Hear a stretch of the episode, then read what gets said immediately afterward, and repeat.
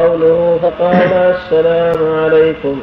قال ابن بطال يحتمل أن يكون الله علمه كيفية ذلك تنصيصا. ويحتمل أن يكون فإن ذلك من قوله له فسلم. قلت ويحتمل أن يكون ألهمه الله ألهمه ذلك. ويعيد ما تقدم في باب حمد العاطس الحديث الذي أخرجه ابن حبان من وجه آخر عن أبي هريرة إن آدم لما خلقه الله لما خلقه الله عطس فألهمه الله وأن قال الحمد لله. الحديث؟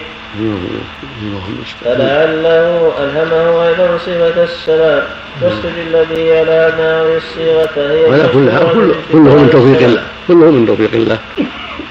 سواء كان أنه أمره بذلك أمرا أو إلهاما. فهو هو السلام مشروع السلام عليكم ورحمة الله. نعم. السلام عليكم. نعم. الله عليك. قوله يدل على أنه شرع لهذه الأمة دونه. أجيب محتمل. هو محتمل يحتاج إلى النظر نعم.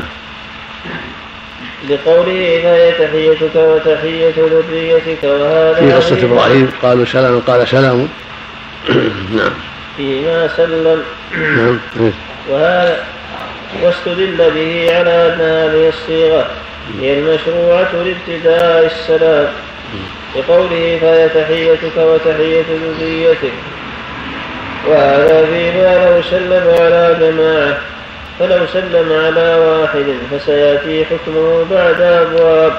ولو حلف الله فقال سلام عليكم. أجزأ قال الله تعالى والملائكة يدخلون عليهم من كل باب سلام عليكم.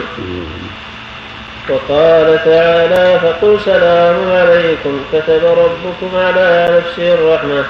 وقال تعالى سلام على نوح في العالمين إلى غير ذلك. لكن باللام أولى لأنها للتفخيم والتكثير وثبت في حديث التشهد السلام عليك أيها النبي. قال عياض ويكره أن يقول في الابتداء عليك السلام. قال النووي في الأذكار إذا قال المبتدئ وعليكم السلام لا يكون سلاما ولا يستحق جوابا لأن هذه الصيغة لا تصلح للابتداء قاله المتولي ولو قاله بغير واو فهو سلام قطع بذلك الواحدي ظاهر قال النووي ويحتمل أن لا يجزئ كما قيل به في التحلل من الصلاة ويحتمل أن لا يعد سلاما. ولا يستحق جوابا لما رويناه في سنن أبي داود والترمذي وصححه غيرهما. بالأسانيد الصحيحة عن أبي جري بالجيم والراء المصغر. الهجيمي بالجيم مصغرا قال أتيت رسول الله صلى الله عليه وسلم فقلت عليك السلام. لابي جريج الحجري. الهجيمي الهجيمي نعم. فقلت عليك السلام يا رسول الله. قال لا تقل عليك السلام فإن عليك السلام تحية الموتى. قال ويحتمل أن يكون ورد لبيان أكمل. قد قال الغزالي في الإحياء يكره للمبتدئ أن يقول عليكم السلام. قال النووي والمختار لا يكره. ويجب الجواب لأنه سلام. قلت وقوله بالأسانيد الصحيحة يوهم أن له طرقا إلى الصحابي المذكور. وليس كذلك فإنه لم يروي عن النبي صلى الله عليه وسلم غير أبي جريج. ومع ذلك فمداره عند جميع من أخرجه على أبي تميمة الهجيمي راوي عن أبي جريج. قد أخرجه أحمد وأيضا والنسائي وصححه الحاكم. وقد اعترض هو وقد اعترض هو ما دل عليه الحديث ما دل عليه الحديث بما أخرجه مسلم. من حديث عائشة رضي الله عنها في خروج النبي صلى الله عليه وسلم يلقي الحديث وفيه. قلت كيف أقول؟ قال قولي السلام على الديار من المؤمنين. قلت وكذا أخرجه مسلم من حديث أبي هريرة. أن النبي صلى الله عليه وسلم قال لما أتى البقيع السلام على الديار من المؤمنين الحديث. قال الخطابي فيه أن السلام على الأموات والأحياء سواء بخلاف ما كانت عليه الجاهلية. من قولهم عليك سلام الله قيس بن عاصم قيس بن عاصم. قلت ليس هذا من شعر الجاهلية. فإن قيس بن عاصم صحابي مشهور عاش بعد النبي صلى الله عليه وسلم. والمرثية المذكورة لمسلم معروف قالها لما مات قيس ومثله ما أخرج ابن سعد وغيره أن الجن رثوا عمر بن الخطاب بأبيات منها. عليك السلام من أمير وباركت يد الله في ذاك لديم ممزق. قال ابن العربي في السلام على البقيع. لا يعارض النهي في حديث أبي جريج لاحتمال أن يكون الله وحياه من نبيه صلى الله عليه وسلم. وسلم عليهم سلام الأحياء. كذا قال ويرده حديث عائشة المذكور. قال ويحتمل أن يكون النهي مخصوصا بمن يرى أنها تحية الموتى. وبمن يتطير بها من الأحياء فإنها كانت عادة أهل الجاهلية. وجاء الإسلام وجاء الإسلام بخلاف ذلك. قال عياض وتبعه ابن القيم في الهدي فنقح كلامه. وقال كان من هدي النبي صلى الله عليه وسلم أن يقول في الابتداء السلام عليكم.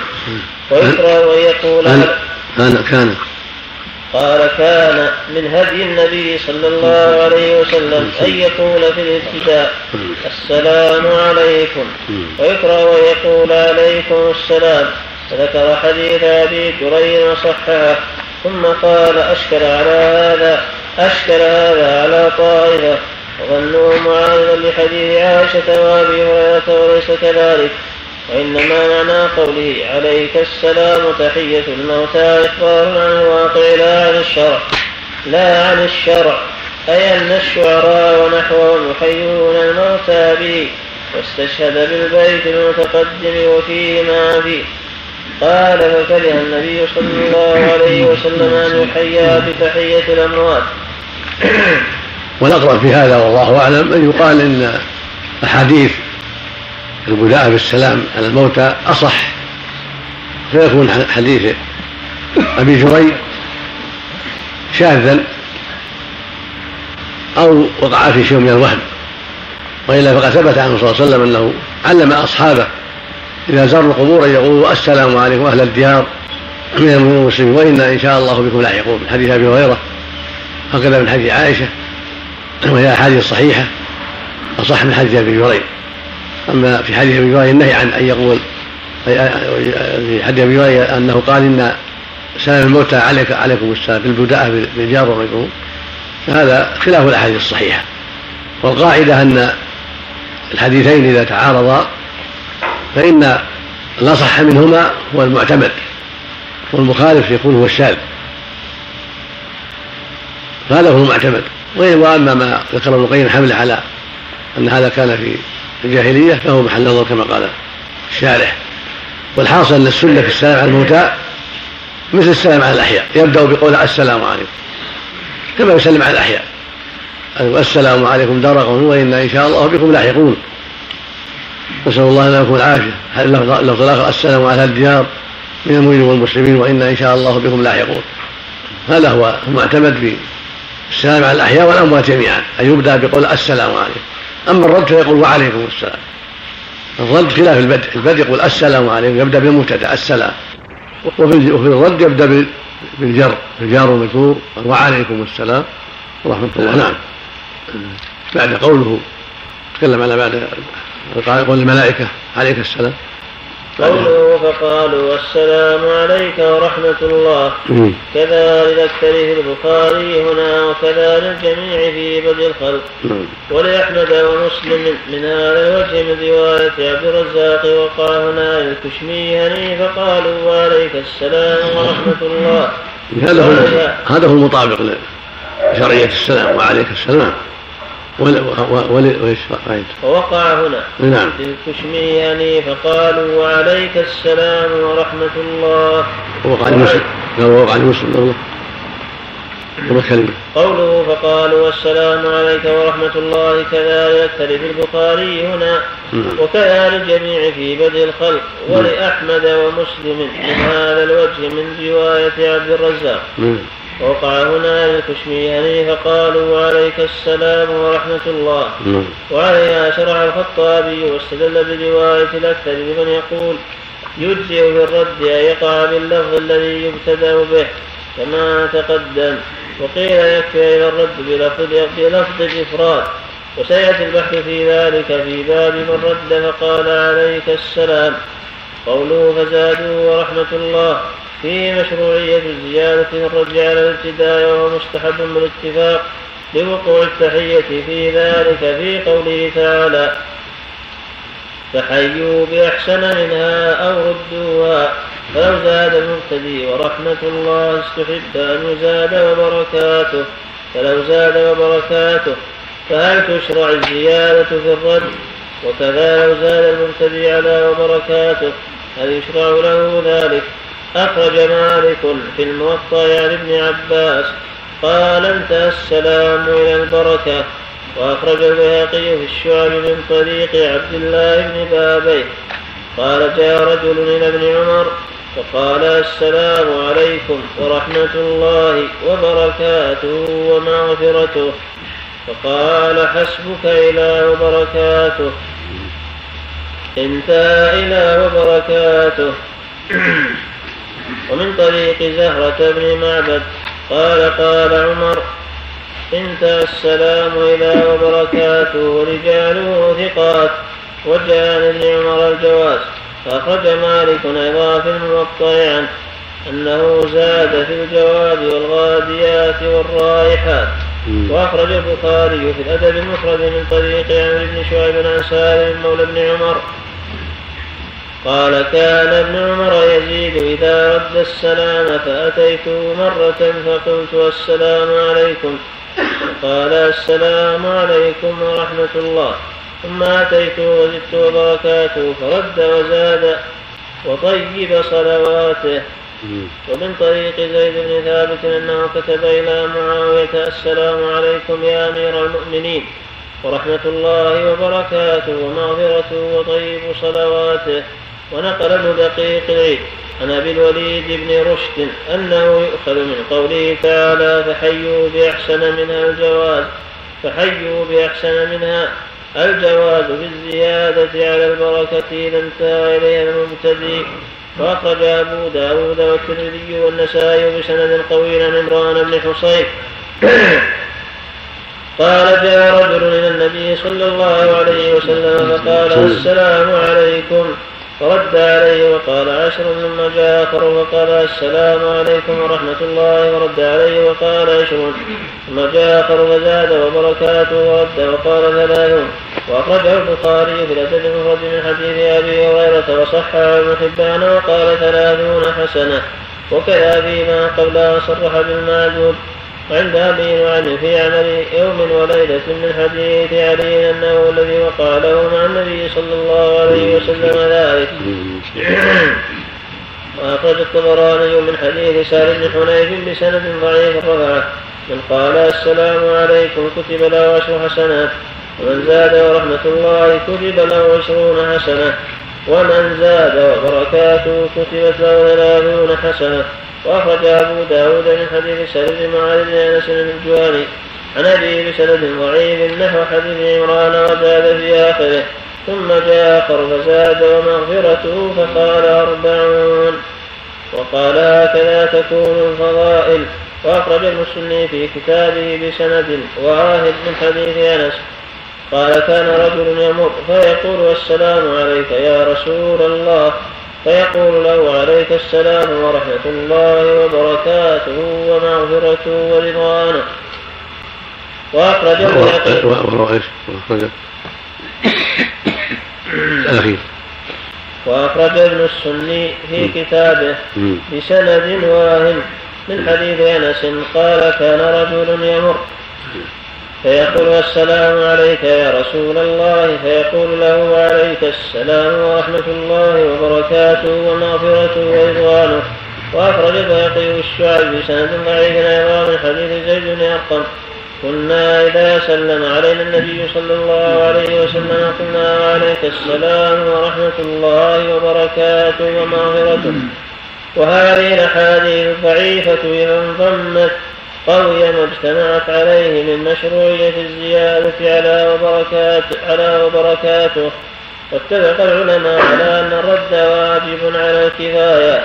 وجاء النبي يوسف أنه قال يجب الرد على كل فرد فرد. سجل احتج له بحديث الباب لأن فيه. فقالوا السلام عليك. وتعقب بجواز أن يكون نسب إليهم المتكلم به بعضهم.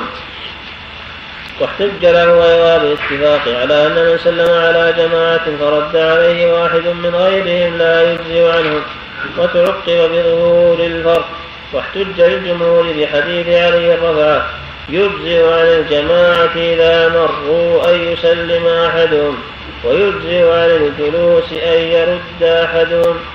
رجه أبو داود والبزار وفي سنده ضعف لكن له شاهد من حديث الحسن بن علي عند الطبراني وفي سنده مقال وآخر مرسل في الموطأ عن زيد بن أسلم واحتج ابن بطال بالاتفاق على أن المبتدئ لا يشترط في حقه تكرير السلام بعدد من يسلم عليهم كما في حديث الباب بسلام آدم.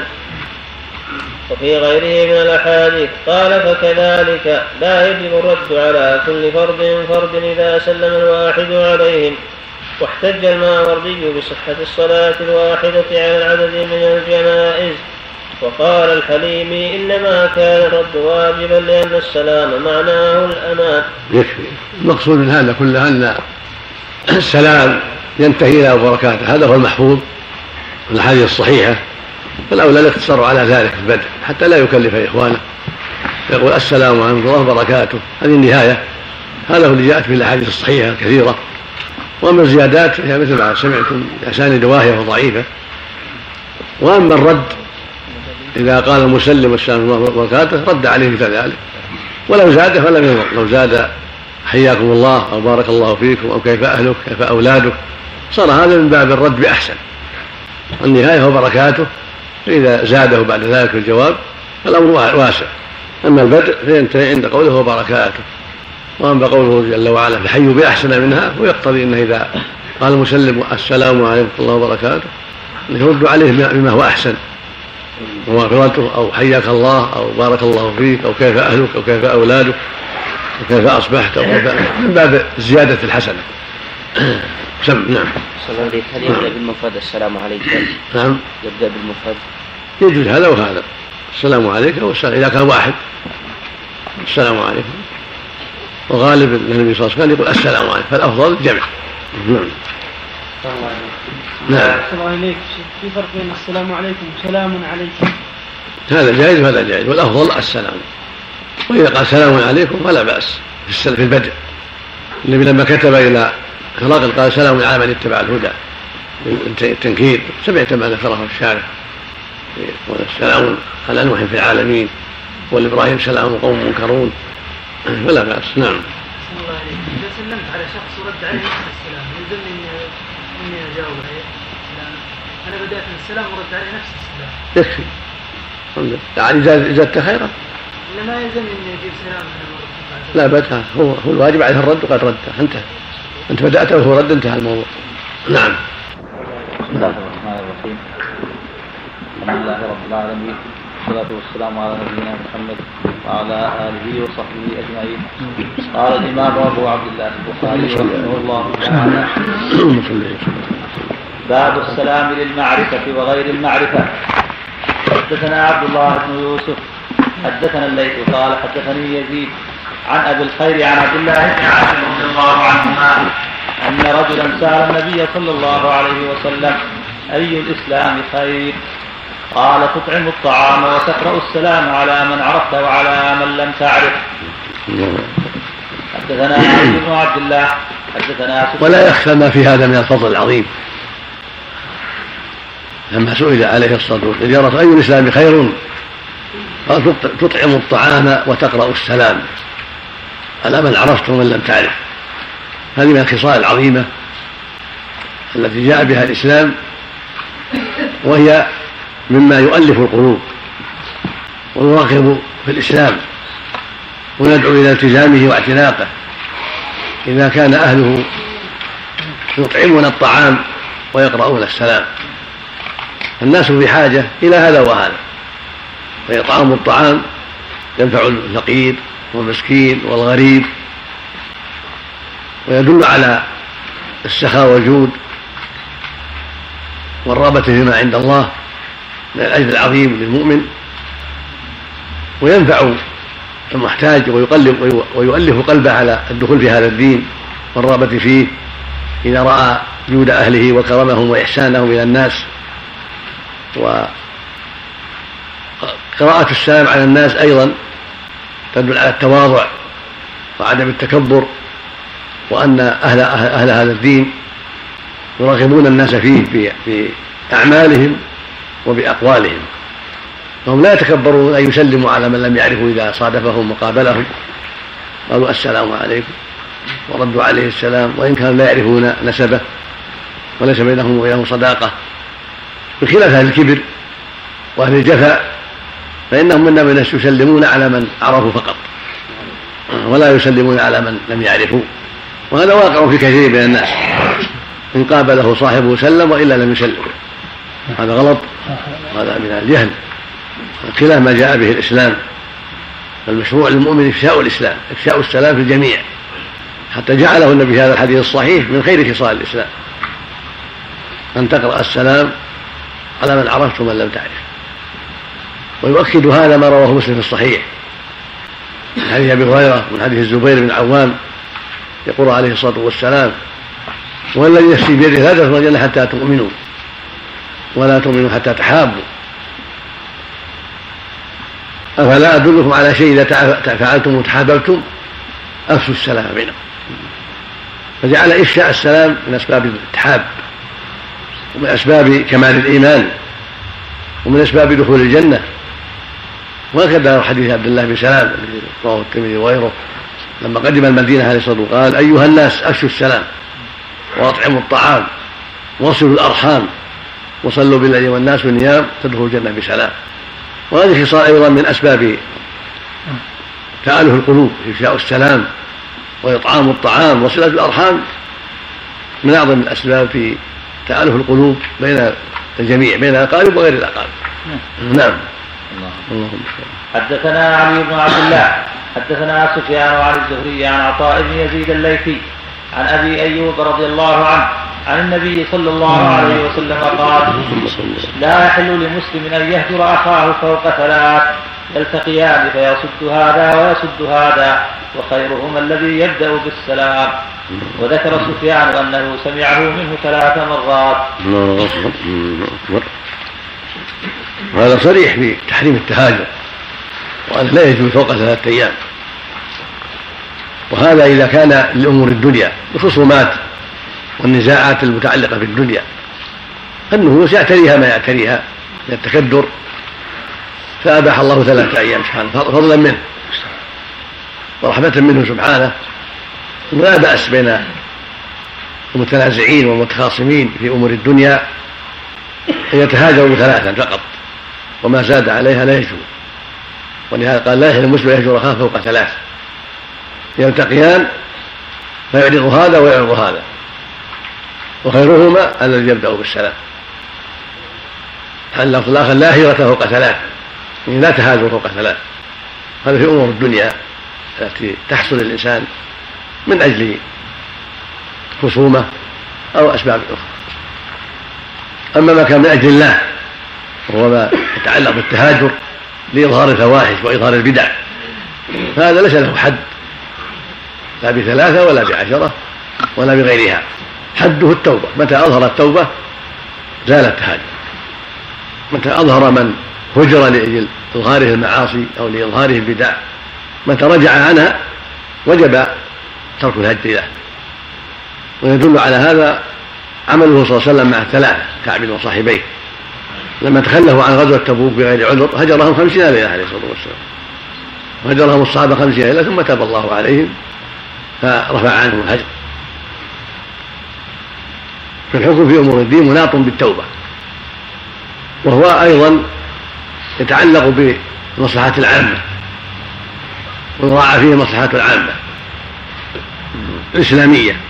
لا حظ النفس. إذا كانت المصلحة العامة تقتضي الهجر هجره. المدة التي يردعه فيها عن معصيته أو بدعته.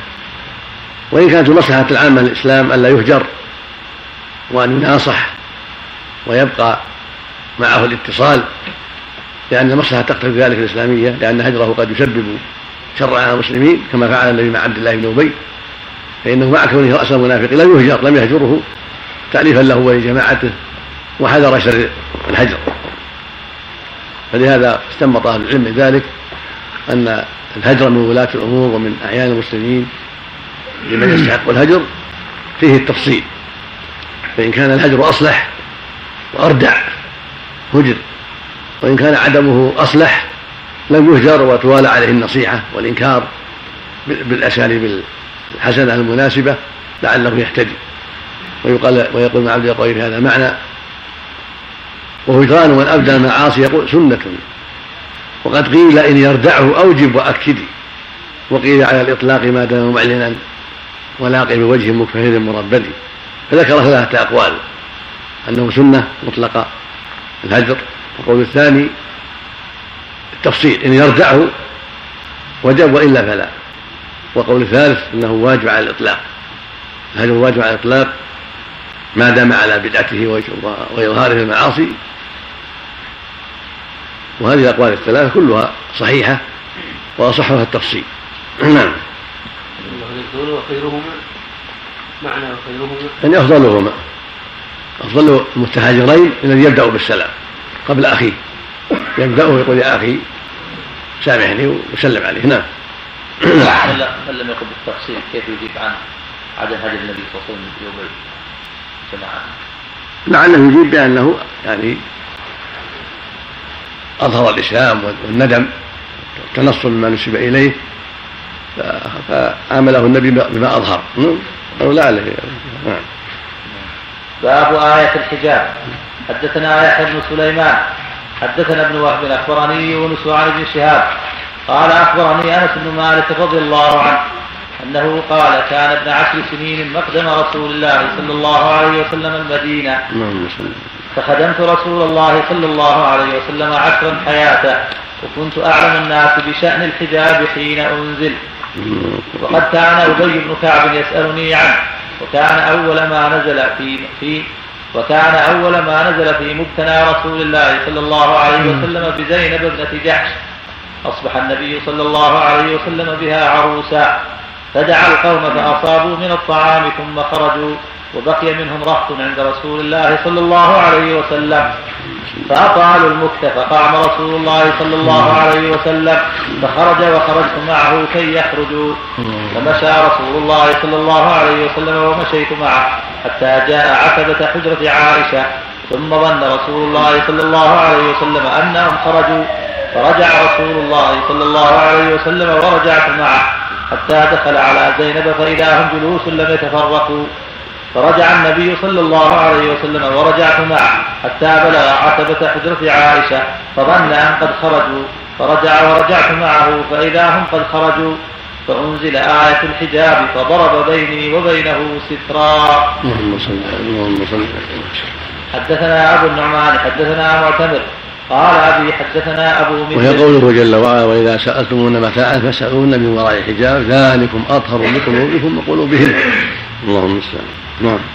أولها أولها يا أيها يا أيها الإمام لا تدخلوا النبي إلا إذا لكم إلى طعام غير ناظريناه ولكن إذا دعيتم فادخلوا فإذا طعمتم فانتشروا.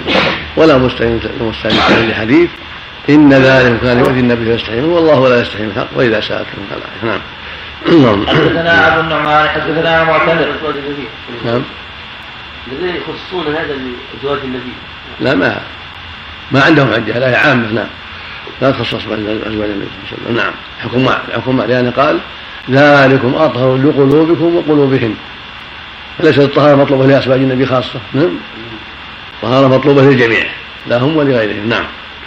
ولهذا في الآية الأخرى يا أيها الذين يا أيها النبي قل لأزواجك وبناتك ونسائهم يدين عليهن من جلبيهن فعم الجميع. نعم. الله. ذهاب الرسول. وهكذا يقول ولا يدري زينتهن الا لبعولتهن يعني يعني المؤمنين جميعا. نعم. ذهاب الرسول أحسن إليك حجرة عائشة من المعارية. من المعاني الفعلية يعني الخروج من المعاني الفعلية. ما قال أخرجوا لكن خروجه عنهم من المعاني الفعلية نعم. ليخرجوا. والناس قد. قد ي... الناس وإن كانوا فضلاء واخيارا قد يشغلهم الحديث قد لا ينتبهون لبعض الأمور. فلما رآه عاد ثم لما رآه رجع عرفوا أنه يريد خروجهم خرجوا. نعم. حدثنا أبو النعمان حدثنا معتمد قال أبي حدثنا أبو مجلس عن أنس رضي الله عنه قال لما تزوج النبي صلى الله عليه وسلم زينب دخل القوم فطعموا ثم جلسوا يتحدثون فاخذ كانه يتهيأ للقيام فلم يقوموا. فلما رأى ذلك قام فلما قام قام من قام من القوم وقعد بقية القوم.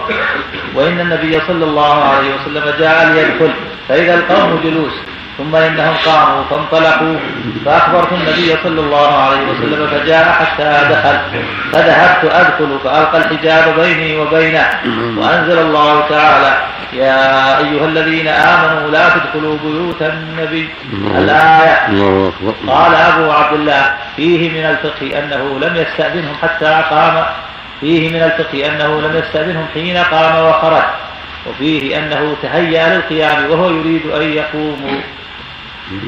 زايد زايد اشاره ويدل على ان صاحب البيت لا يستأذن لا يلزم استئذان الحاضرين إذا أراد يقوم الحاجة نعم. نعم. نعم. حدثنا إسحاق أخبرنا يعقوب بن إبراهيم. حدثنا أبي عن صالح عن ابن شهاب. قال أخبرني عروة بن الزبير أن عائشة رضي الله عنها زوج النبي صلى الله عليه وسلم قالت كان عمر بن الخطاب رضي الله عنه يقول لرسول الله صلى الله عليه وسلم احجب نساءك. قالت فلم يفعل. وكان أزواج النبي صلى الله عليه وسلم يخرجن ليلا إلى ليل قبل المناصع. إلى؟ يخرجن ليلا إلى ليل. نعم من ليل إلى ليل نعم. يخرجن ليلا إلى ليل قبل المناصع فخرجت سودة بنت زمعة وكانت وكانت امرأة طويلة فرآها عمر بن الخطاب رضي الله عنه وهو في المجلس فقال عرفناك يا سودة حرصا على أن ينزل الحجاب. قالت فأنزل الله عز وجل آية الحجاب. كيف يجاب عن حديث الخطابي؟ تقدم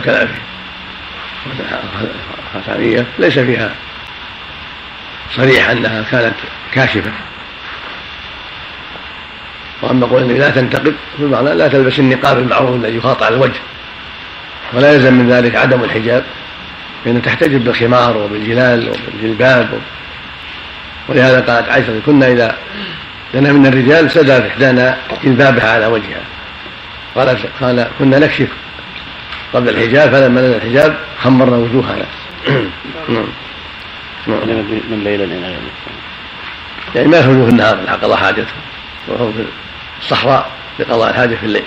الله. ما في بيوت كنف ما عندهم كنف للبيوت نعم ما فيها يعني محلات قضاء الحاجة. هذا عادة العرب القدامى نعم ثم اتخذوا الكنوف بعد ذلك. نعم. باب باب الاستئذان من أجل البصر. وكان لا يكون إلا قليلا عرقة لئلا يحتاجوا إلى الحاجة في النهار. لا يكون إلا قليلا. نعم. الله المستعان نعم المناصع إيش فيها؟ محل قضاء الحاجة؟ نعم حدثنا علي بن عبد الله حدثنا سفيان قال الزهري حفظته كما عندك. انك ها هنا تكلم عنك المناصع تسميه المناصع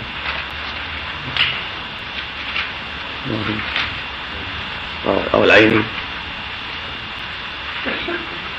قال حسن البيتي بكسر القاف وفتح الباء الموحدة أي جهة المناصع وهو موضع معروف بالمدينة. بس. لا حافظ موضع. يعني تقضى فيه الحاجات. واد واسع. واد واسع أرض واسعة يتفرقون فيها لقضاء الحاجة. نعم. وفي قول عائشة حدثها الله. نعم. في في حديث قالت وكان متفرقا قبل أن تتخذ القناة في البيت. هو المتورط هو محل قضاء الحاجة نعم. نعم. حدثنا علي بن عبد الله حدثنا سفيان. قال الزهري حدثه كما انك ها هنا عن سهل بن سعد رضي الله عنه. قال اطلع رجل من جحر في حجر النبي صلى الله عليه وسلم. حدثنا حدثنا حدثنا علي بن عبد الله. حدثنا سفيان. قال الزهري حفظته كما أنك ها هنا. عن سهل بن سعد رضي الله عنه قال اطلع رجل من جحر في حجر النبي صلى الله عليه وسلم ومع النبي صلى الله عليه وسلم مدرا يحك به رأسه فقال لو أعلم أنك تنظر لطعنت به في عينك إنما جعل الاستئذان من أجل البصر حدثنا مسدد حدثنا حماد بن زيد عن عبيد الله بن وهذا بكر. يفيد يفيد وجوب الحذر من النظر إلى عورات الناس سواء من خلال الباب أو من فرد أو من على السطوح أو من المنارة أو من غير ذلك. يجب على الناس أن يبتعدوا عن النظر إلى عورات الناس من أي طريق. فالناس في بيوتهم لهم عورات. فيجب على المؤمن أن يحذر ذلك وعلى المؤمنه كذلك. ولهذا توعد النبي صلى الله عليه وسلم هذا الرجل قال لو أنه تعلم أنه ينظر يتعمد النظر إلى ما في البيت لطعنه الحديث الآخر لو أن امرأة طلعت بغير اذن فلفته بحصاه فوقعت عينه يكون عليك جناح. المقصود أن الواجب البعد عن هذه الجريمة التي هي النظر في عورات الناس وت- وت- وتقصد الكشف على ما هناك من عورات من داخل خلال البيت خلال البيت خلال الباب أو الفرج التي تكون في البيوت أو الحجاب فوق السطح أو ما أشبه ذلك. نعم. مم. حدثنا مسدد حدثنا حماد بن زيد عن عبيد الله بن أبي بكر عن أنس بن مالك رضي الله عنه أن رجلا اطلع من بعض حجر النبي صلى الله عليه وسلم فقام إليه النبي صلى الله عليه وسلم بمشخص أو بمشاقص فكأني أنظر إليه يقتل الرجل ليطعنه. باب زنا الجوارح دون الفرج. حدثنا الحميدي حدثنا سفيان عن ابن طاووس عن ابيه عن ابن عباس رضي الله عنهما قال لم أر شيئا أشبه باللمم من قول أبي هريرة. وحدثني محمود أخبرنا عبد الرزاق أخبرنا معمر عن ابن طاووس عن ابيه عن ابن عباس رضي الله عنهما قال ما رأيت شيئا أشبه باللمم مما قال أبو هريرة رضي الله عنه عن النبي صلى الله عليه وسلم. إن الله كتب على ابن آدم حظه من الزنا أدرك ذلك لا محالة. مم. فزنا العين النظر وزنا اللسان المنطق والنفس تتمنى وتشتهي. والفرج يصدق ذلك كله ويكذبه لا حول ولا قوة الله أكبر. أن العبد لا بد أن ينال حظه من هذا الشيء. فمن يسلم نظرة أو كلمة عوراء أو غير ذلك مما قد يقع للإنسان فزين العين النظر وزين الأذن الاستماع وزين اللسان النطق وزين اليد البطش وزين الرجل المشي والنفس تتمنى وتشتهي. والفرج يصدق ذلك أو يكذبه. يصدق ذلك بفعل الفاحشة والعياذ بالله. أو يجاهد نفسه ويبتعد عن ما حرم الله فيكذب. هذه الأشياء ويبتعد ويسلم من شرها. نعم. باب التسليم والاستئذان ثلاثة. حدثنا إسحاق وأخبرنا عبد الصمد. حدثنا عبد الله بن المثنى في الشارع هذا. لا قوله باب زنا الجوارح دون الفرج الجوارح. نعم. نعم. عند الترجمة. أخرى نسخ أخرى من الجوارح؟ نعم. أي أن الزنا لا يختص إطلاقه بالفرج بل يطلق على ما دون الفرج من نظر وغيره. وفيه إشارة إلى حكمة النهي عن رؤية ما في البيت بغير استئذان لتظهر مناسبته للذي قبله. قوله عن ابن طاووس هو عبد الله. وفي مسند الحميدي عن سفيان حدثنا عبد الله بن طاووس وأخرجه أبو نعيم من طريقه قوله لم أرى شيئا أشبه باللمم من, باللمم من قول أبي هريرة رضي الله عنه. هكذا اختصر البخاري على هذا القدر من طريق سفيان. ثم عطف عليه رواية معمر عن ابن طاووس فساقه مرفوعا بتمامه. وكذا صنع الإسماعيلي فأخرجه من طريق ابن أبي عمر عن سفيان. ثم عطف عليه رواية معمر وهذا يوهم أن سياقهما سواء وليس كذلك. فقد أخرجه أبو نعيم من رواية بشر بن موسى عن الحميدي ولفظه. سئل ابن عباس رضي الله عنهما عن اللمم فقال لم أرى شيئا أشبه به من قول أبي هريرة رضي الله عنه. كتب على ابن آدم حظه من الزنا وساق الحديث موقوفا. فعرف من هذا أن رواية سفيان موقوفة ورواية معمر مرفوعة. ومحمود شيخه فيه هو ابن غيلان. وقد أخرجه عنه في كتاب القدر وعلقه فيه لورقاء عن ابن عباس عن ابن طاووس فلم يذكر فيه ابن عباس بين طاووس وأبي هريرة. فكأن طاووسا سمعه سمعه من أبي هريرة رضي الله عنه بعد ذكر ابن عباس رضي الله عنهما له ذلك. وسيأتي شرحه مستوفى في كتاب القدر إن شاء الله تعالى. قال ابن بطال سمى النظر والنطق زنا لأنه يدعو إلى الزنا الحقيقي. ولذلك قال والفرد يصدق ذلك ويكذبه قال ابن بطال استدل بقوله والفرد يصدق ذلك أو يكذبه على أن القاذف إذا قال زنت يدك لا يحد وخالفه ابن القاسم فقال يحد وهو قول للشافعي وخالفه بعض أصحابه واحتج للشافعي. وفيه, وفيه من الفوائد أيضا أن الأعمال يكون بها التصديق كما يكون باللسان يكون أيضا بالأعمال. قال تعالى هذا يوم ينفع الصادقين صدقهم لهم جنات. فلولا أنهم صدقوا في القول والعمل لما حصلت لهم الجنات. تقول العرب في الجهاد حملة صادقة. إذا حمل القوم الحملة القوية التي بها يزيحون الأعداء عن مراكزهم سموها حملة صادقة. وإذا حملوا ثم تأخروا كانت الحملة غير صادقة. المقصود أن التصديق يكون بالفعل ويكون بالقول. الصادق في فعله هو الذي يصلي كما أمر كما أمر يصوم كما أمر يحج كما أمر يجاهد كما أمر. يعني أقواله تطابق أعماله وأعماله تطابق أقواله.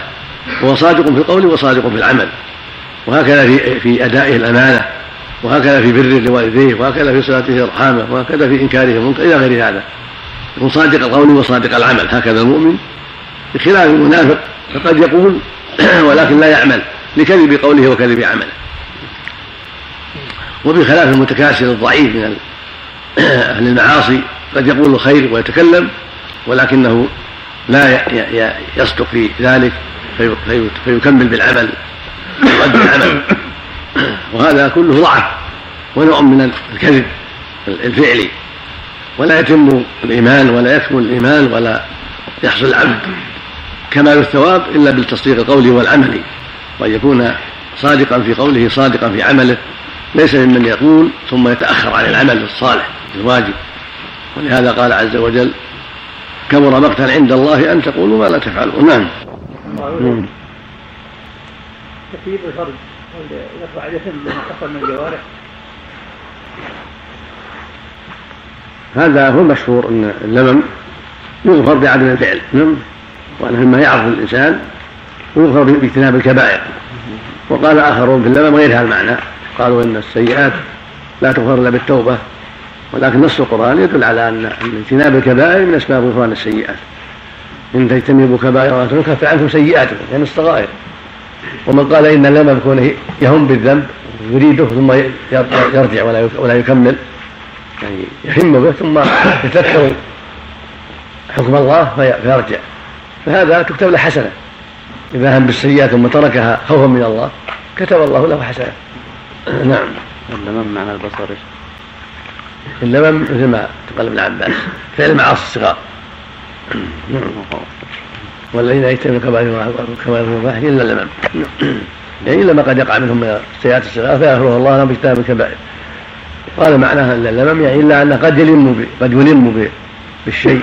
وقد يريده ويهتم به ويريد الفعل ثم يتذكر عظمة الله ويتذكر أن الله حرمه عليه فيرجع فيكتب له بهذا حسنة.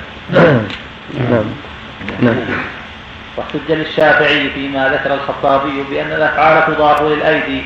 لقوله تعالى فبما كسبت أيديكم وقوله بما قدمت يداك وليس المراد في الآيتين وليس المراد في الآيتين جناية الأيدي فقط بل جميع الجنايات اتفاقا فكأنه إذا قال زنت يدك وصف ذاته بالزنا لأن الزنا لا يتبعض انتهى. وفي التعليل الأخير نظر والمشهور عند الشافعية أنه ليس صريحا. نعم. تم نعم. ذات شيء. عين ذات شيء؟ تكلم عن اللمم. أي. قال ذكر في أربع مباحث ذكر المبحث الثالث في معناه. نعم في معناه. قوله اللمم ما يلم به الشخص من شهوات النفس.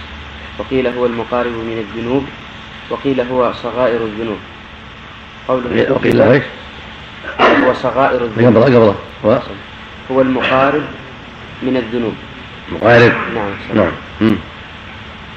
أو- قوله- اولا إيش؟ اولا. الأول هو ما يلم به الشخص من شهوات النفس. مم. وقيل هو المقارب من الذنوب. وقيل هو صغائر الذنوب. قوله كتب أي قدر قوله حظه أي نصيبه مما قدر عليه. قوله لا محالة بفتح الميم أي لا حيلة له في التخلص من إدراك ما كتب عليه ولا بد من ذلك. قوله المنطق بال- بالميم ويروى النطق بلا ميم تمنى أصله تتمنى فحذفت منه إحدى التائين كما في قوله تعالى نارا تلظى أي تتلظى. قوله والفرد يصدق ذلك أي المذكور من زنا العين وزنا اللسان والتصديق بالفعل والتكذيب بالترك. وقيل التصديق والتكذيب من صفات الإخبار فما معناه ما ها هنا.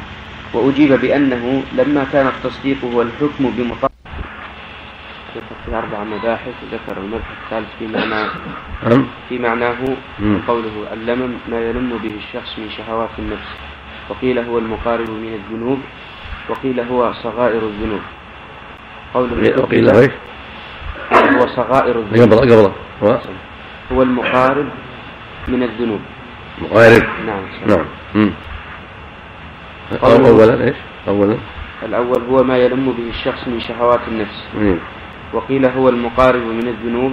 وقيل هو صغائر الذنوب. قوله كتب أي قدر. قوله حظه أي نصيبه مما قدر عليه. قوله لا محالة. بفتح الميم أي لا حيلة له في التخلص من إدراك ما كتب عليه ولا بد من ذلك. قوله المنطق بال- بالميم ويروى النطق بلا ميم تمنى أصله تتمنى فحذفت منه إحدى التائين كما في قوله تعالى نارا تلظى أي تتلظى. قوله والفرج يصدق ذلك أي المذكور من زنا العين وزنا اللسان والتصديق بالفعل والتكذيب بالترك وقيل التصديق والتكذيب من صفات الإخبار فما معناه ما ها هنا وأجيب بأنه لما كان التصديق هو الحكم بمطابقة الخبر للواقع والتكذيب الحكم بعدمها فكأنه هو الموقع أو فكأنه هو الموقع أو الدفع فهو تشبيه أو لما كان الإيقاع مستلزما للحكم بها عادة فهو كناية. انتهى كلامه. ضعيف التصديق يكون بالفعل ويكون بالقول هو خاص بالقول نعم. موضع نعم.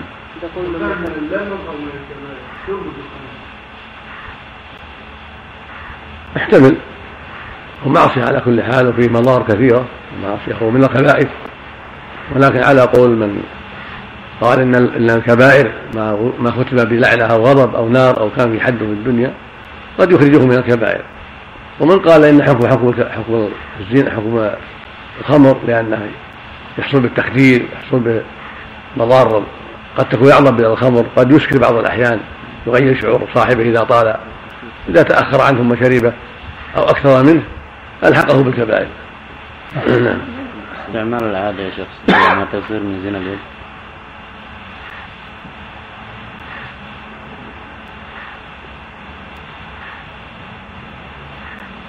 هو الظاهر وقد تكون بغير اليد أيضا قد يستعمل غير ذلك. فالحاصل أنه هو نوع من الزنا المحرم. لأنه لأن الداخل في قول فمن يبتغى وراء ذلك فاولئك هم العادون قد يستعملون أشياء غير اليد. أشياء صناعية يفعلونها. نسأل الله العافية. نعم. المقصود أنه محرم منكر عند جمهور أهل العلم. لا يجوز. نعم. لأن قال داخل في قوله تعالى فمن يبتغى وراء ذلك فاولئك هم العادون ثم هو في مضار كثيرة قد يفضي بصاحبه إلى الهلوسة. وضعف العقل قد يفضي إلى انقطاع النسل.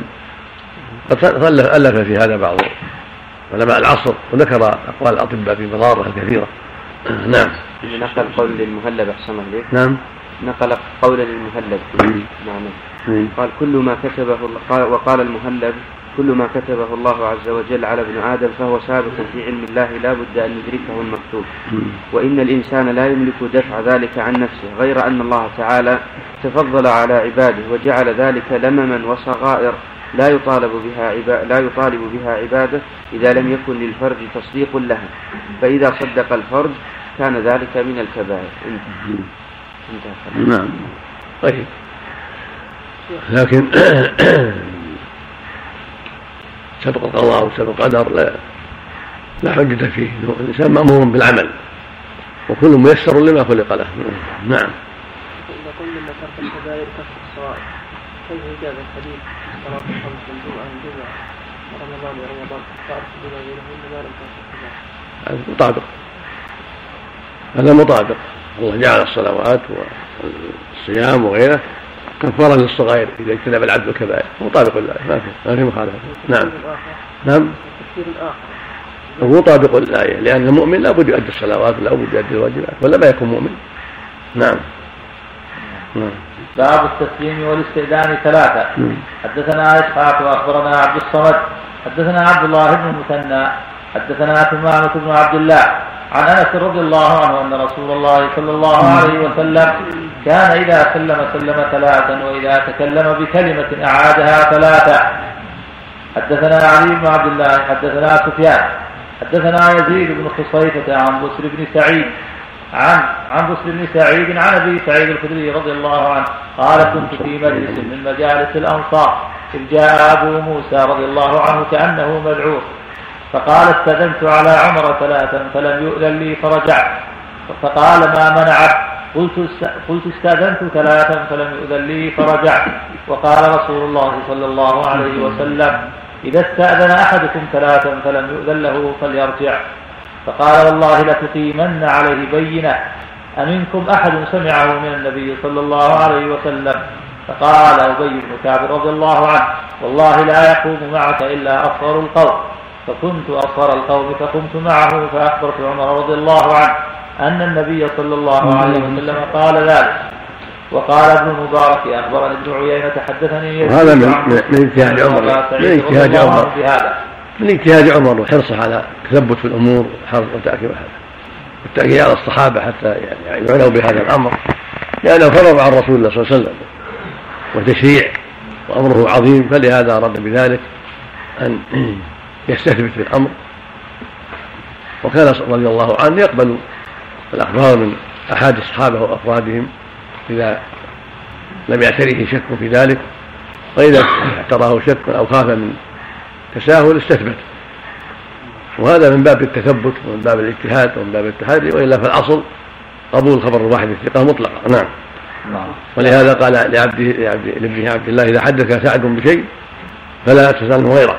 ان سعد بن أبي وقاص رضي الله عنه وأرضاه. نعم. اختيار أكثر القوم نعم. اختيار أكثر القوم للذهاب. نعم. ليعلم يعني ليعلم أن هذا شيء مشهور وأنه شيء ليس ليس ليس فيه شبهة حتى علمه صغار الصحابة. نعم. التسليم ثلاثة. محمول على أنه إذا كانوا هم كثيرين ولا لم- يفهموا ولهذا في اللفظ الآخر حتى تفهم معا صلى الله عليه وسلم. نعم. وأما إذا فهموا وأجابوا انتهى. ما في عاده حاجة للتكرار. كان يسلم ثلاثا لأسباب. إما كثرة القوم وتباعدهم حتى يفهموا ويعقلوا كلامه وإما لأسباب أخرى تقتضي ذلك.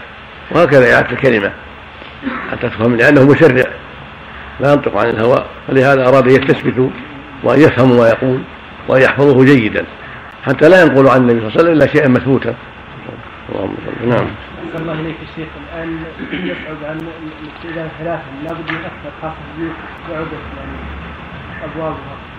يفعل الشيء المولق مثل ضرب الجرس مثل ضرب الحلقة مثل الشيء الذي يسمعهم مع السلام نعم. أن يزيد عن ثلاثة إذا عرف ما سمع. أما السلام ثلاث هذه السنة. أما كونه يعمل يعمل شيء آخر زيادة مثل حلقة ضرب الحلقة من ضرب الجرس اللي جعلوه مثل أشبه ذلك مما يعني يشعرهم بان لأنهم قد لا يسمعون الصوت. نعم. جرس يا شيخ.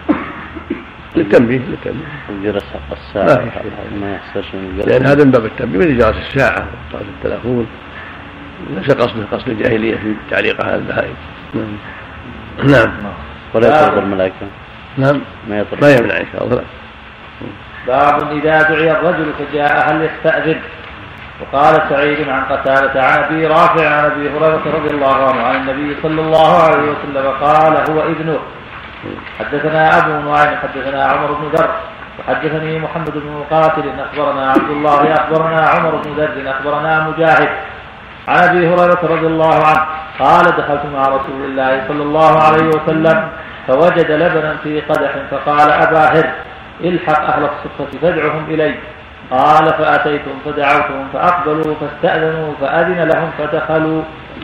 الله وكانوا أضياف الإسلام فقراء.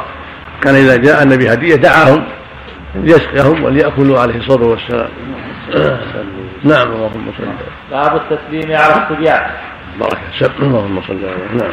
بسم الله الرحمن الرحيم. جاء في بعض الروايات تفصيل هذه الدعوة وأنهم كانوا سبعين وأن أبا هريرة كان محتاجا للبن. فلما أمره يسقيهم قال ماذا يفعل هذا؟ القدح وأنا محتاج. ولكن لا حيلة لي فيما في تنفيذ ما قاله الرسول صلى الله عليه وسلم. فدعاهم وجاءوهم سبعون وأخذوا مجالسهم. هذا يدل على هناك عنده صلى الله عليه وسلم مجالس واسعة لمثل هذا. ثم قال يا أبي هريرة خذ قدح وامشي به عليهم فجعل يمر به عليهم ويسقيهم كل واحد يشرب حاجته حتى كملوا السبعين هذا القدح. سبعين. ثم قال اشرب يا أبا هريرة. قبل النبي صلى الله عليه وسلم فشرب. ثم قال اشرب فشرب. وقال اشرب فشرب. ثم قال اشرب الرابع قال والله بعثك لا أجد له مسلكا ثم أخذ النبي القدح بفضله فشرب عليه الصلاة والسلام. هذا فيه أول أولا معجزة من المعجزات. قدح يحمله ابوه على يده يسقي سبعين ويرويهم ثم يروه وهو محتاج فقير. ثم يأخذ النبي فضله.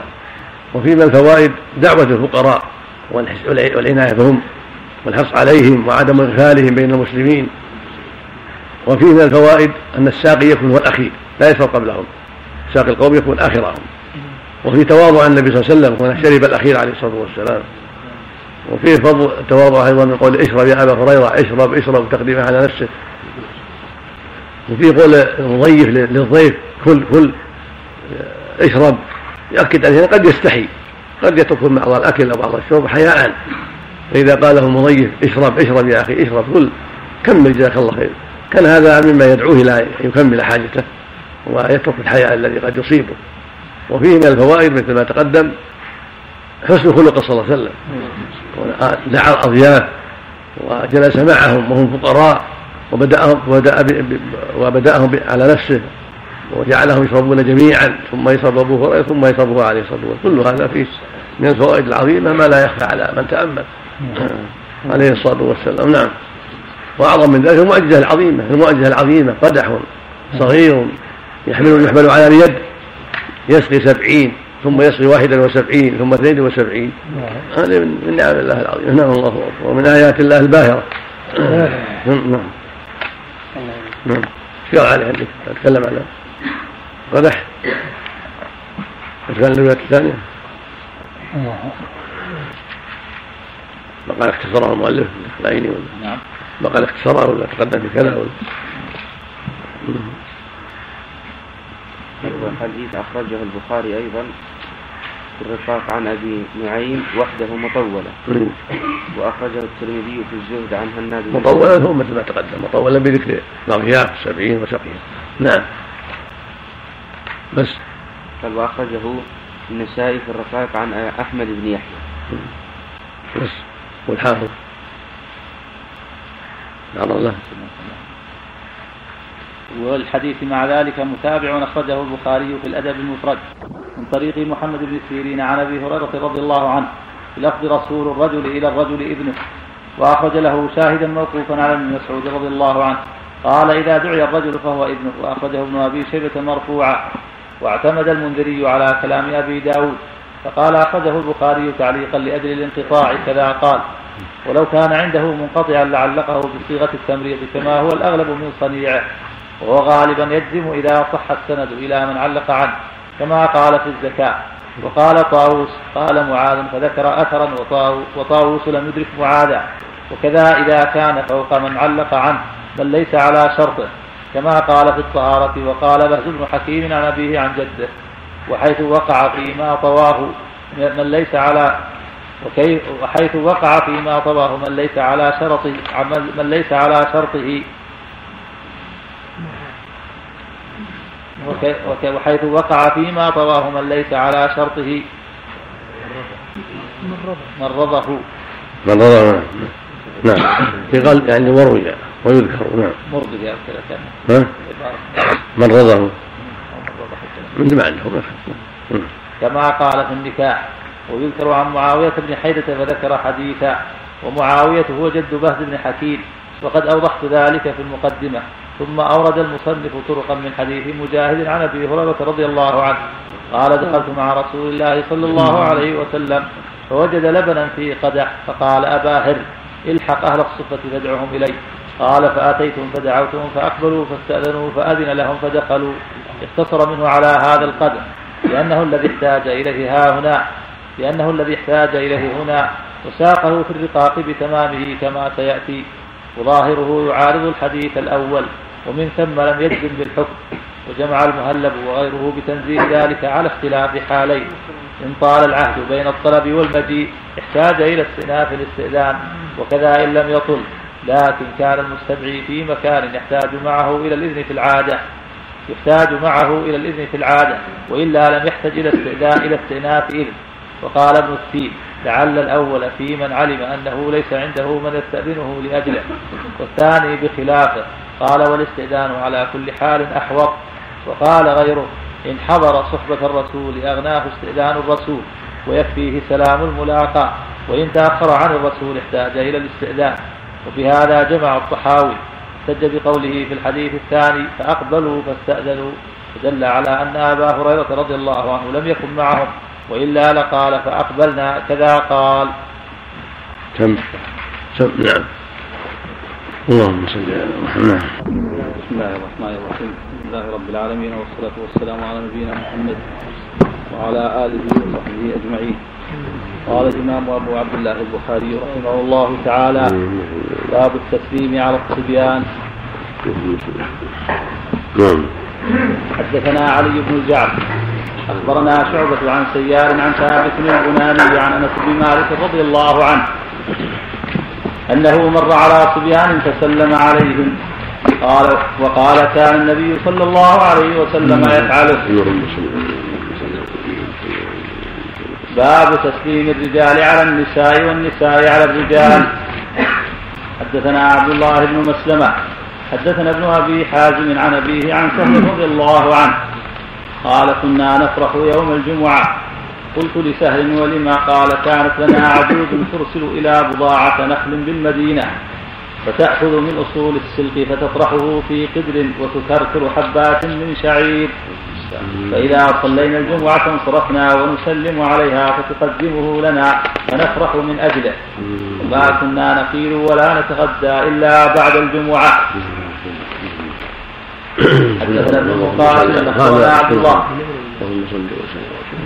هذا هو الذي قبله. فيه الدلالة على جنس السلام على الصبيان والنساء وأنه مشروع لما فيه من الخير والتأليف والتعليم أيضا حتى ينشأ الجميع على معرفة السلام وحكم السلام وشرعيته. ولهذا ذكر أنس أن النبي عليه الصلاة كان يسلم على الصبيان حتى يتعلموا ويستفيدوا. وهكذا النساء إذا سلم عليهن أو سلمنا عليه كل ذلك مما شرعه الله عز وجل في غير ريبة وفي غير أمر محذور. ولهذا ذكر سهل زيارته للعجوز التي كانت تعد لهم الطعام بعد الجمعة ويأتون إليها ويسلمون عليها وتقدم لهم الطعام.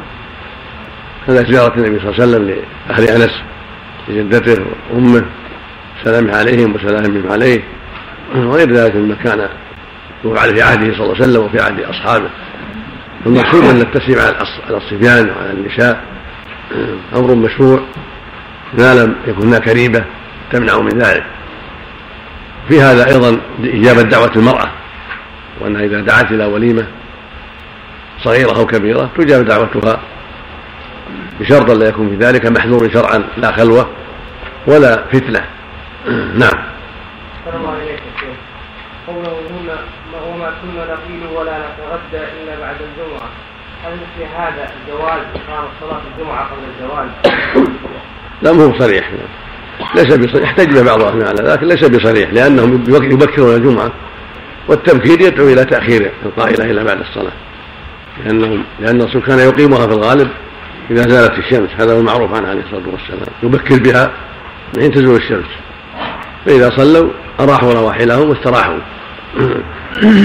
لكن هناك أدلة أخرى يحتج بها بعض أهل العلم على جوازها قبل الزوال مثل حديث الساعات وأن بعد الساعة الخامسة يحضر الملائكة يستمعون الذكر. هذه وأحاديث أخرى وردت في الباب قد يؤخذ منها شيء من هذا. نعم لكن الأحوط الذي عليه الجمهور ألا تصلى إلا بعد الزوال هذا اللي عليه جمهور أهل العلم. نعم. لو صليت قبل الزوال بقليل. يصح صحيح يصح لأنها في السادسة. نعم. نعم. حدثنا ابن مقاتل أخبرنا عبد الله أخبرنا معمر عن الزهري عن أبي سلمة بن عبد الرحمن عن عائشة رضي الله عنها قالت قال رسول الله صلى الله عليه وسلم يا عائشة هذا جبريل يقرأ, يقرأ عليك السلام. قالت قلت وعليه السلام ورحمة الله ترى ما لا نرى. يريد رسول الله صلى الله عليه وسلم تابعه شعيب وقال يونس والنعمان عن الزهري وبركاته. وهذا منقبة لعائشة رضي الله عنها أيضا كنا جبرائيل سلم عليها فردت عليه وقالت وعليه السلام ورحمة الله وبركاته. ترى يا رسول الله ماذا نرى؟ اللهم صل على صح عنه صلى الله عليه وسلم كما تقدم أن الله جل أمره أن يقرأ على خديجة السلام من ربها ويبشرها بالجنة ويبشرها ببيت في الجنة من قصد لا نصر فيه ولا صخر يعني من لؤلؤ ليس فيه تعب ولا أذى. رضي الله عنها ورضي الله عن الجميع. نعم. نعم. حديث سهل. لا يؤخذ منه كل ما هم عليه من العيب. تقدم البحث في هذا. نعم. دل شدة المؤونة شدة الحاجة. ولهذا فرحوا بهذا العصيدة. نعم. أصابهم شدة في المدينة لما هاجروا أصابهم شدة. نعم رضي الله عنهم. فصبروا حتى نجحوا. نعم. الجانب الشق الثاني من الترجمة نعم. الشق الثاني من الترجمة الله. والنساء على الرجال. نعم مثله مثل سلام عائشة على جبرائيل مثل سلام أم أنس وجدة أنس على النبي صلى الله عليه وسلم. سلام النسوة اللاتي أسلنا يسلمن عليه ويسلنا سلام كل هذا من سلام. أم هانة كذلك. نعم. كثير. هذا شيء لا يحصى نعم. باب إذا قال من ذا فقال أنا. حدثنا الوليد حدثنا حدثنا أبو الوليد هشام بن عبد الملك. حدثنا شعبة عن محمد بن المنكدر. قال سمعت جابر رضي الله عنه يقول أتيت النبي صلى الله عليه وسلم في دين كان على أبي. فدققت الباب فقال من ذا؟ فقلت أنا. فقال أنا أنا. كأنه كرهها. يفيد أن السنة أن يقول أنا فلان سلح بسره فلان أو أبو فلان شيء يعرف به لأن أنا قد تشتبه ما يكون يعرف الصوت قد يشتبه الصوت. نعم. باب من رد فقال عليك السلام. وقالت عائشة رضي الله عنها وعليه السلام ورحمة الله وبركاته. وقال النبي صلى الله عليه وسلم رد الملائكة على آدم. السلام عليك ورحمة الله. حدثنا إسحاق بن منصور أخبرنا عبد الله بن سعيد حدثنا عبيد الله عن سعيد بن أبي سعيد المقبري عن أبي هريرة رضي الله عنه أن رجلا دخل المسجد ورسول الله صلى الله عليه وسلم جالس في ناحية المسجد فصلى ثم جاء فسلم عليه فقال له رسول الله صلى الله عليه وسلم وعليك السلام ارجع فصل فإنك لم تصل. فرجع فصلى ثم جاء فسلم فقال وعليك السلام. ارجع فصل فإنك لم تصل فقال في الثانية أو في التي بعدها علمني يا رسول الله. فقال إذا قمت إلى الصلاة فأسبغ الوضوء ثم استقبل القبلة فكبر ثم اقرأ ما تيسر معك من القرآن ثم اركع حتى تطمئن راكعا ثم ارفع حتى تستوي قائما ثم اسجد حتى تطمئن ساجدا. ثم ارفع حتى تطمئن حتى تطمئن جالسا. ثم اسجد حتى تطمئن ساجدا. ثم ارفع حتى تطمئن جالسا. ثم افعل ذلك في صلاتك كلها. وقال أبو أسامة في الأخير حتى تستوي قائما. حدثنا ابن بشار قال حدثني يحيى عن عبيد الله حدثني سعيد عن أبيه عن أبي هريرة رضي الله عنه. قال قال النبي صلى الله عليه وسلم ثم ارفع حتى تطمئن جالسا. هذه صلاة المسلم معروفة. تقدمت الصلاة. دليل على أن عدم الطمأنينة يوجب الإعادة وأنها لا تصح الصلاة إلا بالطمأنينة وهي الركود في الصلاة وعدم العجلة وعدم النقر. وهذا الرجل صلى والنبي يشاهده في طائفة المسجد عليه الصلاة والسلام فسلم عليه وعلمه يرجع فيصلي ويعيد الصلاة ثم سلم عليه فرد عليه النبي وقال ارجع فصلي فإنك تصلي حتى قال الرجل الثانية أو الثالثة ومعروف رواية المشهورة في الثالثة علمني يا رسول الله. في الأخلاق قال والذي بعثك بالحق لا أحسن غير هذا فعلمني. فعلمه النبي صلى الله عليه وسلم كيف يصلي. فدل ذلك على أن الجاهل يعلم بالرفق وأنه لا مانع من ترداده لعله يفهم لعله ينتبه حتى تكون الفائدة أعظم في قلبه وأرسخ في قلبه بالترداد. فيه أن أن الإنسان إذا سلم يرد عليه ولو أنه ما ما راح بعيد ولو أنه غريب فإنه يرى فإنهم يرونه يشاهدون صلاته. فسلم عليهم ثم رجع فصلى ثم عاد فسلم ردوا عليه ثم عاد فسلم فردوا عليه. دل ذلك على مثل هذا. لا ينكر أن كونه يسلم وهم يشاهدونه مرة بعد مرة لم يغب عنهم لا يضر. لأن شغله بالصلاة شغل عظيم. وفيه حسن خلق صلى الله عليه وسلم وحسن تعليمه فلم يزجره لم يوبخه بل علمه برفق وحكمة عليه الصلاة والسلام. هكذا ينبغي لأهل العلم والدعاة إلى الله والمرشدين أن يرفقوا بالجاهل وأن لا يعجلوا وأن لا يشددوا ولا يعنفوا حتى يتبصر الجاهل ويتعلم ويستفيد. نعم. الله. والله مغفرته الرد. ما ما ما, ما نعرف فيها شيء. صحيح صح إنما يروى عن بعض السلف ابن عمر وعن غيره. نعم. باب إذا قال فلان يقرئك السلام. حدثنا أبو نعيم حدثنا زكريا قال سمعت عامرا يقول حدثني أبو سلمة بن عبد الرحمن أن عائشة رضي الله عنها حدثته أن النبي صلى الله عليه وسلم قال لها إن جبريل يقرأ عليك السلام. قالت وعليه السلام ورحمة الله. باب التسليم في مجلس فيه أخلاق من المسلمين والمشركين. ما نبه الشارع على الرواية الأخرى عليك وعلى أبيك. أو على ما سبق. عندك؟ العين ولا لا. قوله باب إذا قال فلان يقرئك السلام. في رواية تسميهني يقرأ عليك السلام. وهو لفظ حديث الباب. وقد تقدم شرحه في مناقب عائشة. وتقدم شرح هذه اللفظة. وهي وهي اقرأ السلام في كتاب في كتاب الإيمان. قال النووي في هذا الحديث مشروعية إرسال السلام ويجب على الرسول تبليغه لأنه أمانة وتعقب بأنه, الودي بأنه بالوديعة أشبه والتحقيق أن الرسول إن التزمه أشبه الأمانة وإلا فوديعة والودائع إذا لم, إذا لم تقبل لم يلزمه شيء. قال وفيه إذا أتاه شخص بسلام من شخص أو في ورقة وجب الرد على الفور. ويستحب أن يرد على المبلغ كما أخرج النسائي عن رجل من بني تميم أنه بلغ النبي صلى الله عليه وسلم سلام أبي فقال له وعليك وعلى أبيك السلام. وقد تقدم وعليك وعليك. فقال له وعليك وعلى أبيك السلام. نعم. وقد تقدم في المناقب أن خديجة رضي الله عنها لما بلغها النبي لما بلغها النبي صلى الله عليه وسلم عن جبريل سلام الله عليها قالت إن الله هو السلام ومنه السلام وعليك وعلى جبريل السلام. ولم أرى في شيء من طرق حديث عائشة رضي الله عنها. وتقدم وتقدم وتقدم. وقد تقدم في المناقب أن خديجة رضي الله عنها لما بلغها النبي صلى الله عليه وسلم عن جبريل سلام الله عليها قالت إن الله هو السلام ومنه السلام وعليك وعلى جبريل السلام. وهذا يدل على فقه عظيم رضي الله عنه. فقه وبصيرة عرفت أنه لا يسلم على الله لأنه دعاء. والله هو السلام ومنه السلام. وقال وعليك وعلى جبرائيل هو السلام لأنه المبلغان. وهكذا رواية النسائي.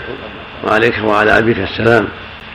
وفي حديث عائشة دلالة على أنه لو حدث وعليك جاز لأنها حذفت عائشة قالت وعليه السلام ورحمة الله وبركاته. وأقرها النبي صلى الله عليه وسلم.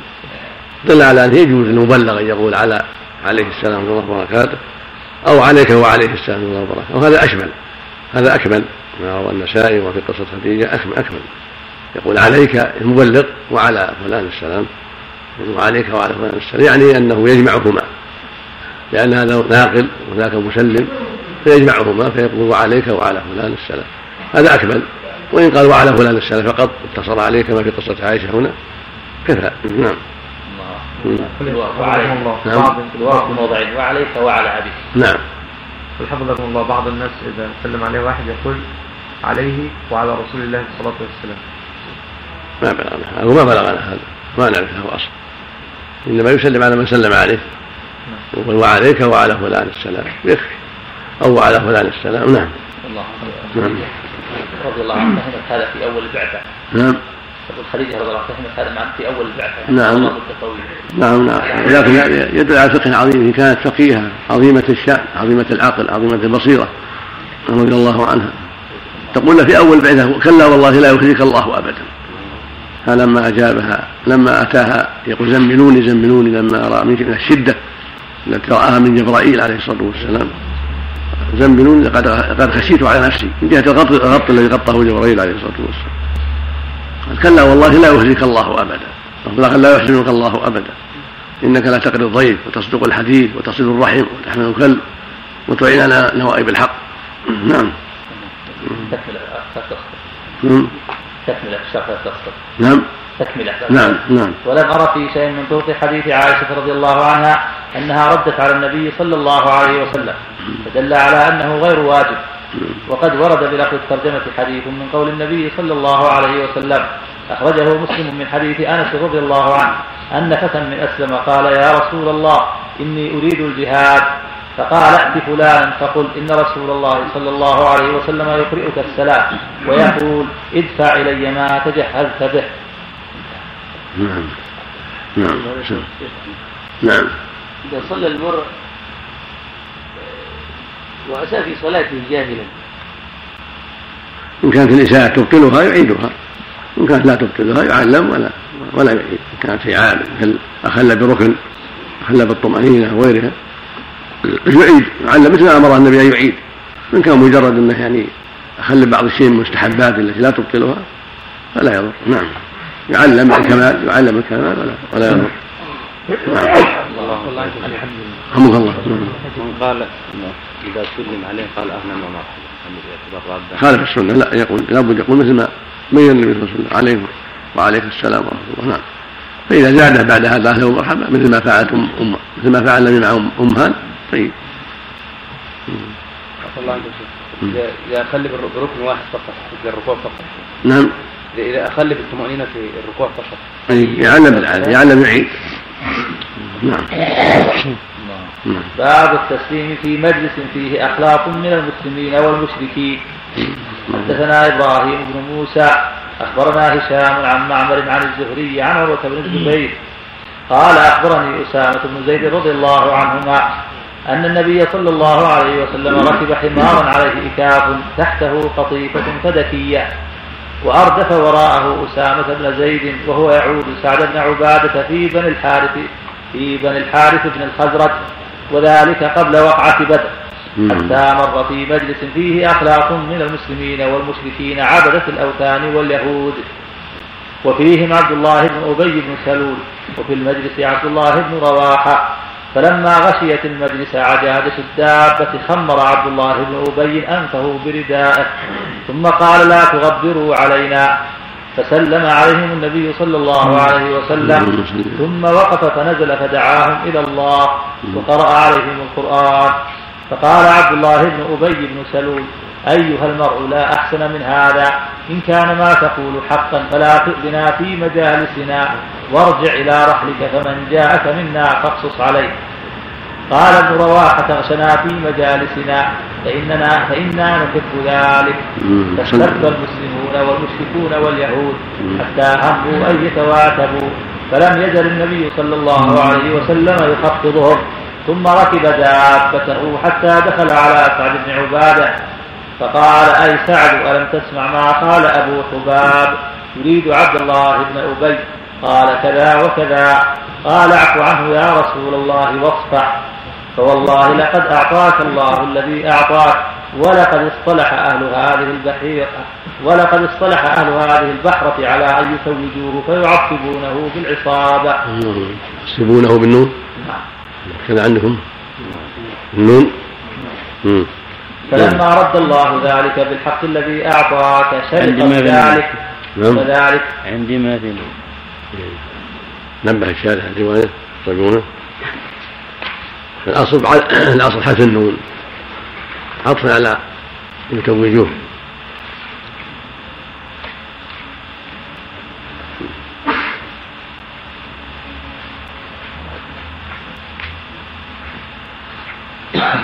نعم.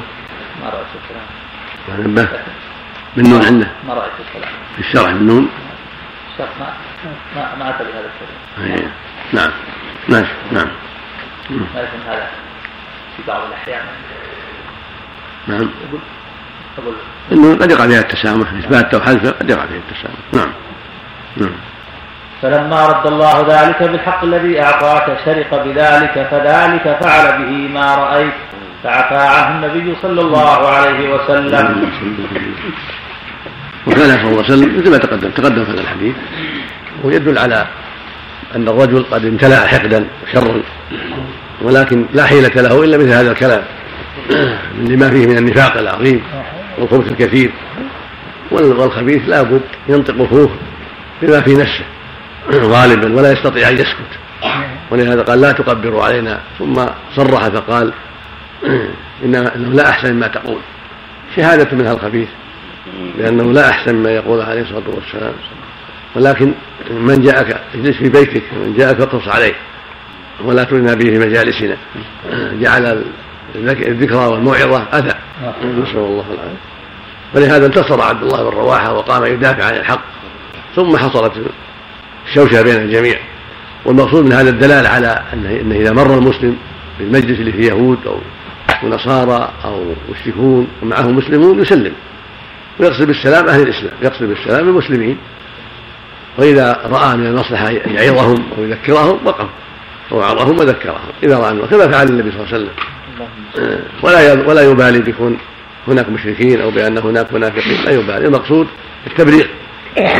ثم لو لو أوذي فالأمر سهل. في سبيل الله. لو أوذي بالكلام أو بغير ذلك فهو في سبيل الله. ولهذا نزل صلى الله عليه وسلم من دابته وذكرهم عليه الصلاة والسلام. ثم لما رأى ما رأى خفضهم حتى سكنوا. حتى هدوا عليه الصلاة والسلام. وفي من الفوائد شرعية إعادة المريض إعادة المريض وأن العائد يذهب إليه على رجليه أو على دابة لا, حرج لأن المعود قد يكون بعيدا وقد يكون قريبا فلا حرج أن يركب الدابة ويعود المريض. وفي من الفوائد الإرداف على الدابة قد أردف أسامة وهذا من تواضع عليه الصلاة وهذا كثير إردافه على الدابة كثير عليه الصلاة والسلام. وفيه ركوب الحمار وأنه لم يأنف من الحمار وركوبه والبغل. ركب الحمار وركب البغل وركب الإبل عليه الصلاة والسلام. كل هذا من مما ثبت عنه عليه الصلاة والسلام. وهو دليل على تواضعه وتسامحه. يركب ما تيسر حمارا أو بغلا أو فرسا أو ناقة نعم. صلى وفيه من الفوائد أيضا. فضل سعد بن عبادة كلامه الطيب وشرح حال الرجل وبيان ما فيه من البلاء وأن هذا هو السبب الذي دعاه إلى أن يقول هذا الكلام. وأنه كان يطمع أن يكون ملكا في المدينة فحيل بينه وبين ذلك. نعم.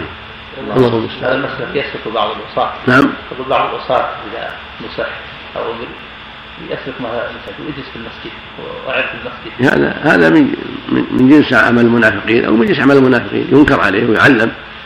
لا يجوز لك كلام الله يقول سبحانه وإذا قيل له اتق الله خلت العزة بالإثم. حسبه جهنم وبئس المهاد. نسأل الله. الواجب انه يقبل الحق ويقول جزاك الله خير إن شاء الله.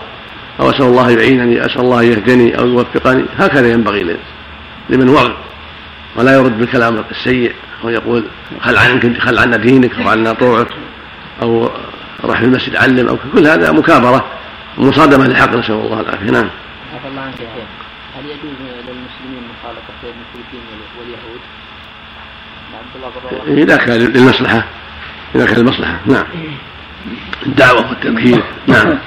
نعم. باب من لم يسلم على من اقترف ذنبا ومن لم يرد سلامه حتى تتبين توبته وإلى متى تتبين توبة العاصي باب باب من لم يسلم على من اقترف ذنبا.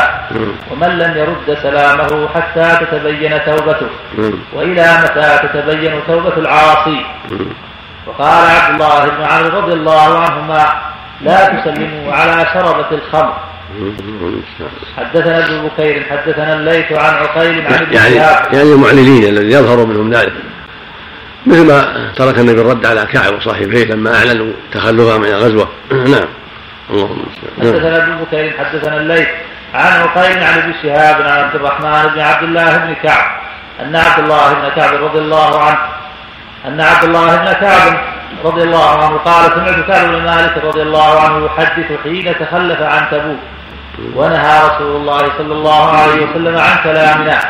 وآتي رسول الله صلى الله عليه وسلم فأسلم عليه. فأقول في نفسي هل حرك شفتيه برد السلام أم لا؟ حتى كملت خمسون ليلة. وآذن النبي وآذن النبي صلى الله عليه وسلم بتوبة الله علينا حين صلى الفجر. باب كيف الرد على أهل الذمة بالسلام.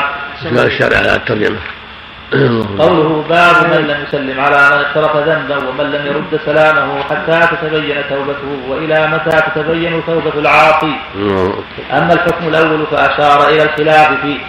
وقد ذهب الجمهور إلى أنه لا يسلم على الفاسق إلى أنه لا يسلم على الفاسق ولا المبتدع. قال النووي فإن اضطر إلى السلام بأن خاف ترتب مفسدة في دين أو دنيا أن لم يسلم سلم. وكذا قال ابن العربي وزاد وينوي أن السلام اسم من أسماء الله تعالى. فكأنه قال الله رقيب عليكم. وقال المهلب ترك السلام على أهل المعاصي سنة ماضية. وبه قال كثير من أهل العلم في أهل البدع. وخالف في ذلك جماعة كما تقدم في الباب قبله. وقال ابن وهب يجوز ابتداء السلام على كل أحد ولو كان كافرا. واحتج بقوله تعالى وقولوا للناس حسنا. وتعقب بأن الدليل أعم من الدعوى وألحق بعض الحنفية بأهل المعاصي من يتعاطى خوارم المروءة ككثرة المزاح واللهو وفحش القول والجلوس في الأسواق لرؤية من يمر من النساء ونحو ذلك. وحكى ابن رشد قال قال مالك لا يسلم على أهل الأهواء وقال ابن دقيق العيد ويكون ذلك على سبيل التأديب لهم والتبري منهم. وأما الحكم الثاني فاختلف فيه أيضا فقيل يس- يستبرئ حاله فقيل يستبرئ حاله سنة وقيل ستة أشهر وقيل خمسين يوما كما في قصة كعب وقيل ليس لذلك حد محدود. بل المدار على وجود القرائن الدالة على صدق مدعاه في توبته. ولكن لا يكفي ذلك في ساعة ولا يوم ويختلف ذلك باختلاف الجناية والجاني وقد اعترض على الداودي وقد اعترض الداودي على من حده بخمسين ليلة أخذا من قصة كعب رضي الله عنه فقال لم يحده النبي صلى الله عليه وسلم بخمسين. وإنما أخر كلامهم إلى أن أذن الله فيه. يعني فتكون واقعة حال لا عموم فيها. وقال النووي وأما المبتدع ومن اقترف ذنبا عظيما ولم يتب منه فلا يسلم عليهم ولا يرد عليهم السلام. كما قال جماعة من أهل العلم. واحتج البخاري لذلك بقصة كعب بقصة كعب بن مالك. انتهى. والتقييد بمن لم يتب جيد. لكن في الاستدلال بذلك بقصة كعب النظر فإنه ندم على ما صدر منه وتاب. ولكن أخر الكلام مع ولكن أخر الكلام معه حتى قبل الله توبته. وقضيته ألا يكلم حتى تقبل توبته. ويمكن الجواب بأن, بأن, بأن, الاطلاع على القبول في قصة كعب كان ممكنا. وأما بعده فيكفي ظهور علامة الندم والإقلاع وأمار وأمارة صدق ذلك. قوله اقترف أي اكتسب. وهذا هو وهذا هو الصواب. الصواب ليس لهذا حد محدود.